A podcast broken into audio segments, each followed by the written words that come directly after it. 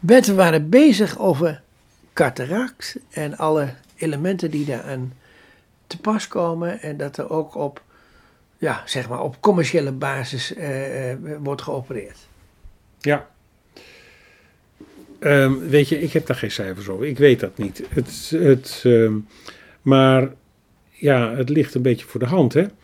En het is op zich is het ondertussen een, een ingreep die, die door de mensen zo, als zo gering gevoeld wordt, beschouwd wordt, ervaren wordt, dat, ehm, ja, dat het dan makkelijker is, uh, makkelijk is dat je, om ook het belang van de praktijk of van de kliniek of van het bedrijf een rol mee te laten spelen.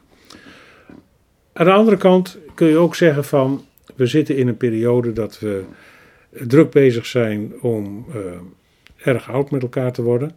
En er is een groot deel van ons volk wat natuurlijk oud is. Als je dat ziet, we, het, aandeel oude mensen is behoorlijk groot. Die mensen, die, dat is de populatie die bezig is om staar te krijgen. En uh, dat groeit door tot geschat wordt zo'n 2040, 2045. En dat betekent dus dat we ook in die jaren steeds meer staar zullen moeten opereren. Je bedoelt, dat is de eh, uitloper van de babyboomgeneratie? Ja, ja, ja, ja, ja. Maar krijgen we dan een, een situatie dat je op 65-jarige leeftijd wordt je in, de, in de kliniek ingeleverd en dan uh, wordt er een nieuwe prostaat ingezet, dan wordt er een nieuwe lens ingezet, een nieuwe macula. En, en heupen. ja. ja, daar moet je even niet aan denken natuurlijk. Aan de andere kant, het is als je nu kijkt naar de cataracten, naar de staar. Tegen de... Ja, ik heb wel eens gezegd van het, het crematorium, dat wordt een oud ijzerhandel. ja, ja, dat is ondertussen al zo. Hè. Maar goed, je moet je even voorstellen dat je nu nog geen last hebt van je beginnende staar op je 65ste. Maar over 10 jaar of over 15 jaar, dan, ja, dan heb je daar wel last van. Dan, moet er gewoon wat gebeuren. Maar dan is de wachttijd zo groot en zijn de limieten door de zorgverzekeraars zodanig dat jij eigenlijk ja, lang moet wachten voordat je aan de beurt bent. En dus kun je zeggen van nu we nog de gelegenheid hebben, hè, op, de, kun je beter zoveel mogelijk staar wegwerken. Ook al is de indicatie misschien wat minder hard. Maar dan handel je op basis van vrees voor de toekomst. Dat is geen vrees, uh, George. Dat, is, dat gaat gewoon gebeuren. Als we niet, uh, ja. Jawel, maar dat, dat namelijk de zorg uh, het over twintig jaar niet aan zou kunnen, dat weten we niet. Nou, weet je, de, de modellen die daarvoor gehanteerd worden, die zijn toch wel zodanig dat het een goed idee is om daar maar wel van uit te gaan. dus dat, ehm, ja, ik ben er ook van overtuigd dat dat gaat gebeuren. Dus er zit toch een, een, een goede ethische argumenten om toch vroegtijdig uh, uh, staaroperaties door te voeren.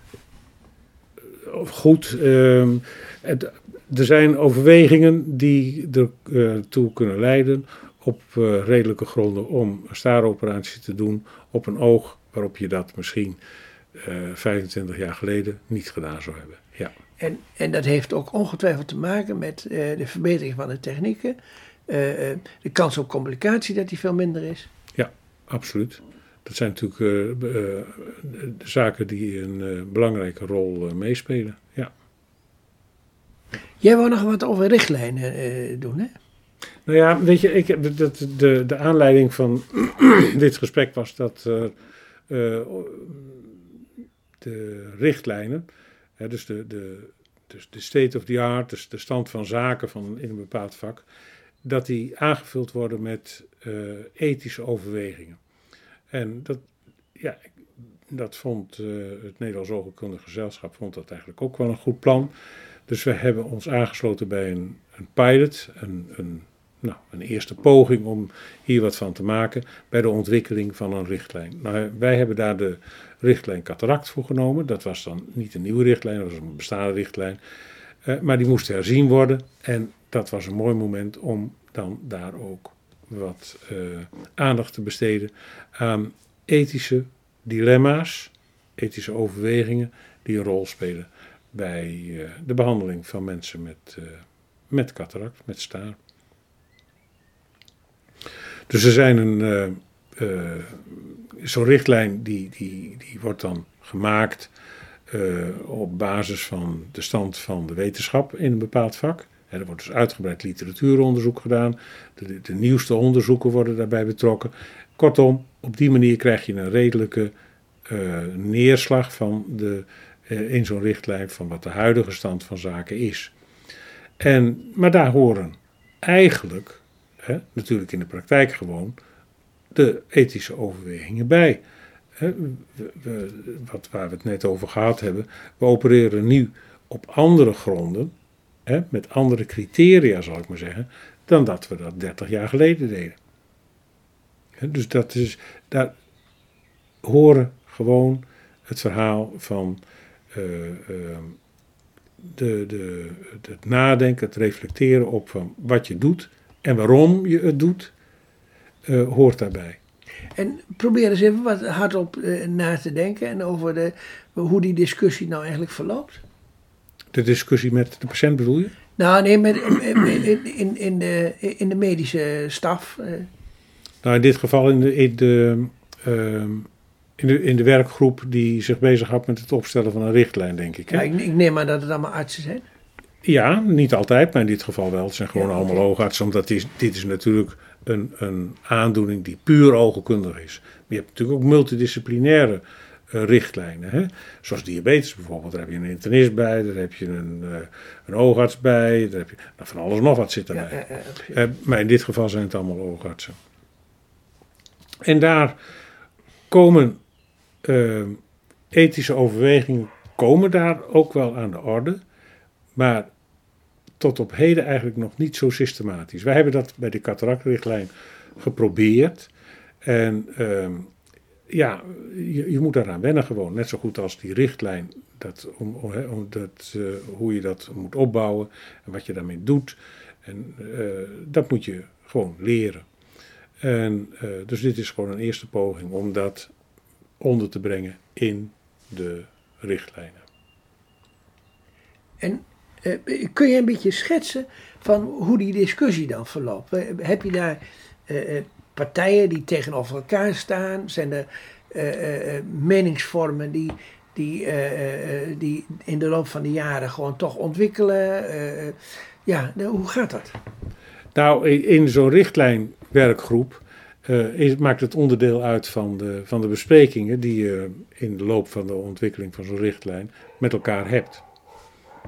En ehm, nou, daar, ja, iedereen draagt daar zijn steentje aan bij. Echt, um, in, in deze richtlijngroep, ja, echt uh, grote verschillen van inzicht zijn er eigenlijk niet. Uh, dus het, uh, ja, nee, echt ehm, grote discussies waar het vuur vanaf vliegt, dat, eh, dat is er niet. Maar als daar namelijk in, in, in de eh, bij de oogartsen toch over het algemeen een beetje dezelfde opvattingen leven, heb je dan eigenlijk wel richtlijnen nodig?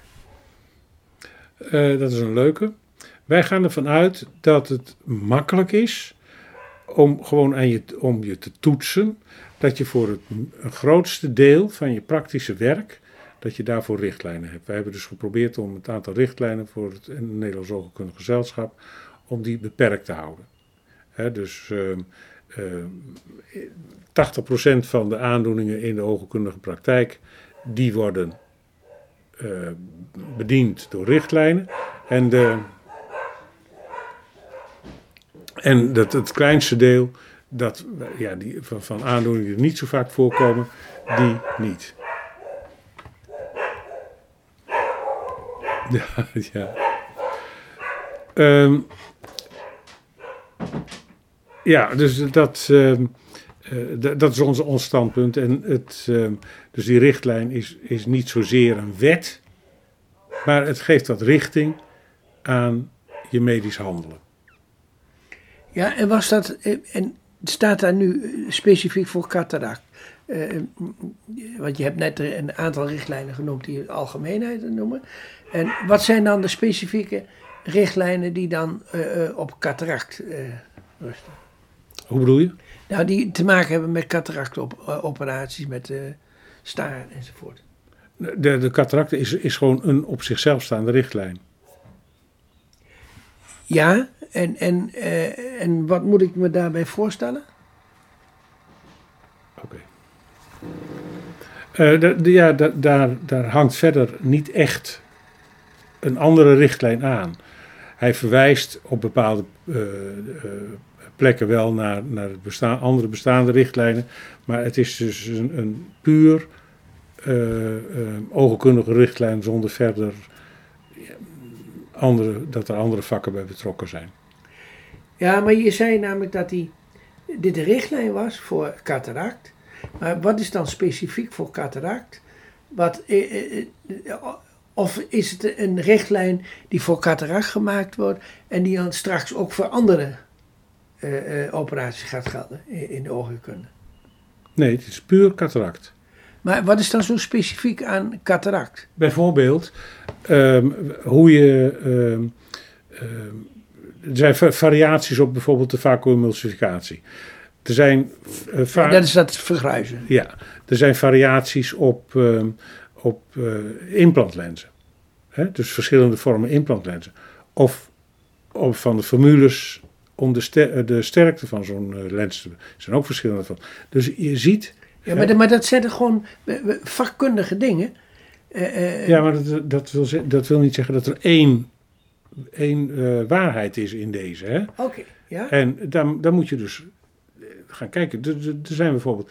Een van de dingen die bijvoorbeeld eh, aan de orde geweest is. En dat is in best een, een ethisch. eh, of een probleem met een ethische aspect. Dat is van. Als iemand aan beide kanten staar heeft. Hoe doe je dat dan? We gingen er altijd vanuit, de ogen, ogenkunde, van we opereren eerst één oog en dan wachten we totdat we zeker weten dat het allemaal voor zo'n roodkoperen schuiftrompetje is. Hè, en dan pas opereren we het tweede oog. Oké, ja. Is dat nou? Kan, moet dat zo? Sterker nog, het is zelfs een indicator geweest. Hè? Dus er werd op, op een, eh, naar gekeken of je dat wel zo deed door degene die ons controleren. Maar is dat dan wel zo? Nou, dat is een vraag die in deze richtlijn aan de orde geweest is. Dat hebben we helemaal uitgezocht.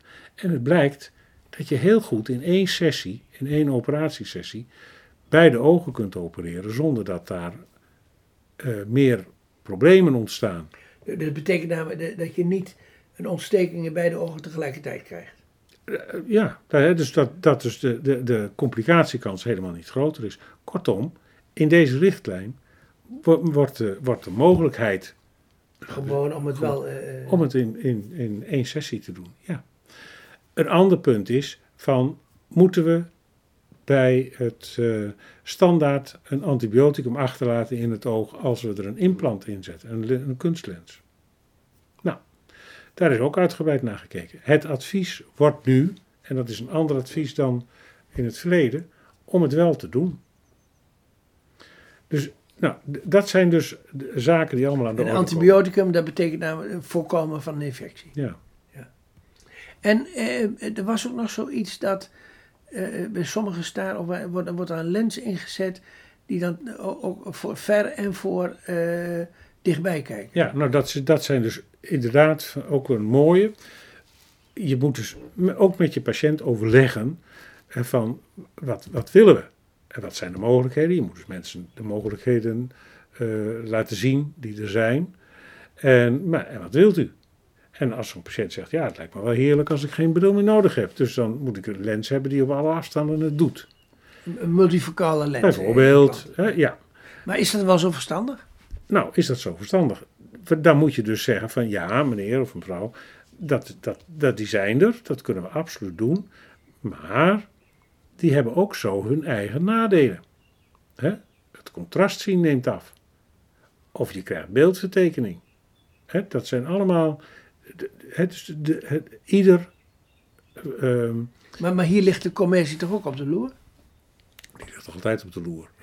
Ja. Maar ik hoop eh, van harte dat eh, de dokter zich daar niet, eh, niet al te zeer door te la- laten beïnvloeden. Ik denk dat dat een hele mooie afsluiting is voor die serie die we nu gemaakt hebben. Ja. En eh,